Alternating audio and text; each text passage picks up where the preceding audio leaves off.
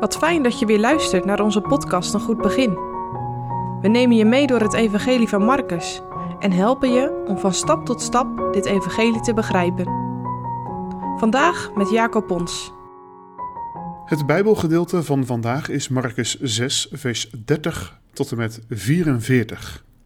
We lezen vanaf vers 35. Toen het nu laat op de dag geworden was, kwamen zijn discipelen tot hem en zeiden: Deze plaats is woest. Het is nu laat op de dag.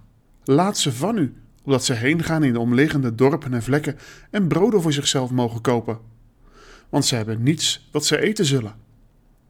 Maar hij, antwoordende, zei tot hen: Geef gij hen te eten. En ze zeiden tot hem: Zullen wij heen gaan en voor tweehonderd penningen brood kopen en hun te eten geven? En hij zei tot hen: Hoeveel broden hebt u? Ga heen en beziet het. En toen zij het vernomen hadden, zeiden zij: Vijf en twee vissen.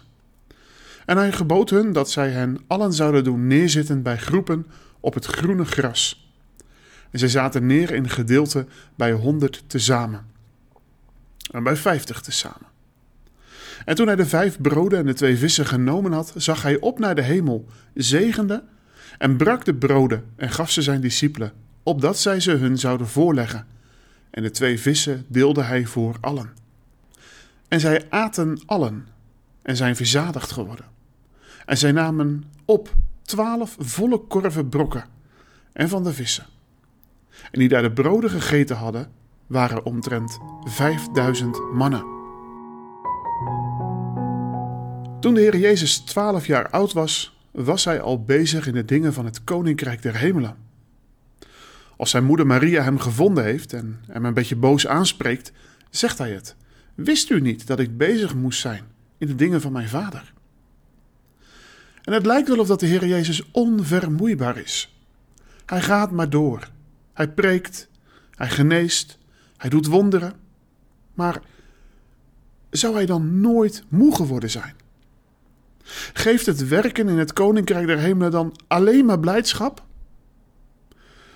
Ik moet zeggen dat ik er soms best moe van word, soms lichamelijk, maar soms ook mentaal. Soms zou ik het beltje er wel bij neer willen gooien. En daarom raakte het mij toen ik dit Bijbelgedeelte las, de eerste verse, dat Jezus tegen zijn discipelen zegt: Kom hier, in een eenzame plaats en rust maar uit.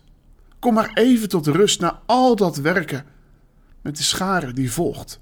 Je zou kunnen zeggen: even uitpuffen. De boog kan niet altijd gespannen staan. Even niks. Maar dat uitrusten duurt niet lang.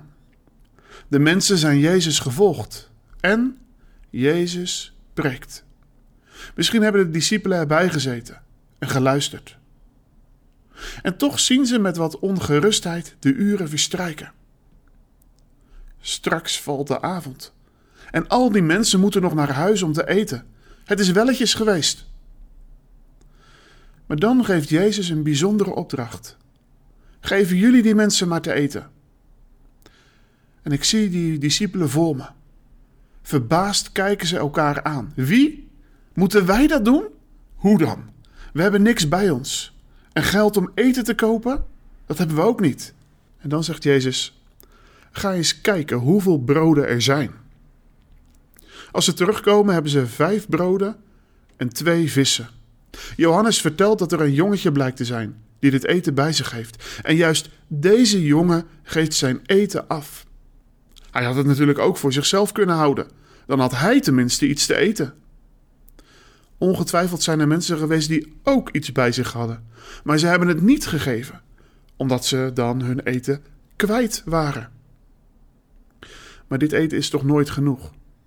Als iedereen hiervan moet eten, krijgt iedereen maar een kruimeltje. En toch neemt Jezus deze broden en deze vissen in zijn handen. En hij bidt tot zijn vader en hij begint te breken. En het grote wonder gebeurt. Er is meer dan genoeg voor iedereen. Er blijven zelfs twaalf volle manden over. Om stil van te worden, toch? En we zouden daar vandaag een diepe geestelijke les uit kunnen trekken. Dat er een overvloed bij de Heer te vinden is. En toch wil ik vandaag een andere les aan jou voorhouden. Jij en ik kijken vaak naar dat wat we niet hebben. Net zoals de discipelen. En daar zijn we heel druk mee. Maar dit jongetje laat zien dat hij bereid is om datgene wat hij wel heeft in te zetten in het koninkrijk van God. Menselijkerwijs gesproken was dat brood en die vis helemaal niks voor die enorme groep mensen. Maar wat jij en ik niets vinden, dat is voor de Heer iets. Als je dat met je hart geeft in dienst van zijn koninkrijk, dan zal een rijke zegen niet uitblijven. Als wij bereid zijn om dat wat wij hebben te leggen in de handen van de Heer, dan kunnen en dan zullen er wonderen gebeuren. Ben jij bereid om jouw broodjes en jouw visjes te leggen in de handen van de Heer? Ben jij bereid om dat wat je hebt, je geld, je bezittingen, je talenten of wat dan ook, in te zetten in het koninkrijk der hemelen?